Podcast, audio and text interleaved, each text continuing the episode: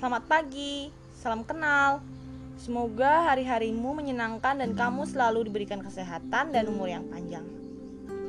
Pernah nggak kamu ngerasa apa yang kamu perjuangin itu tidak membuahkan hasil apa pun? Malahan adanya ngecewain, yang buat kamu down, nangis, dan tidak semangat untuk melanjutkan perjuangan itu. Seberapapun kecewanya kamu, putus asanya kamu, kamu tidak boleh menyerah begitu aja dan mengabaikan usaha, waktu yang telah kamu lakukan untuk memperjuangkan hasil yang lebih baik dan lebih baik. Menurutku, jika kamu percaya bahwa harapan itu ada, kamu pasti akan berkata, "Aku gak boleh menyerah."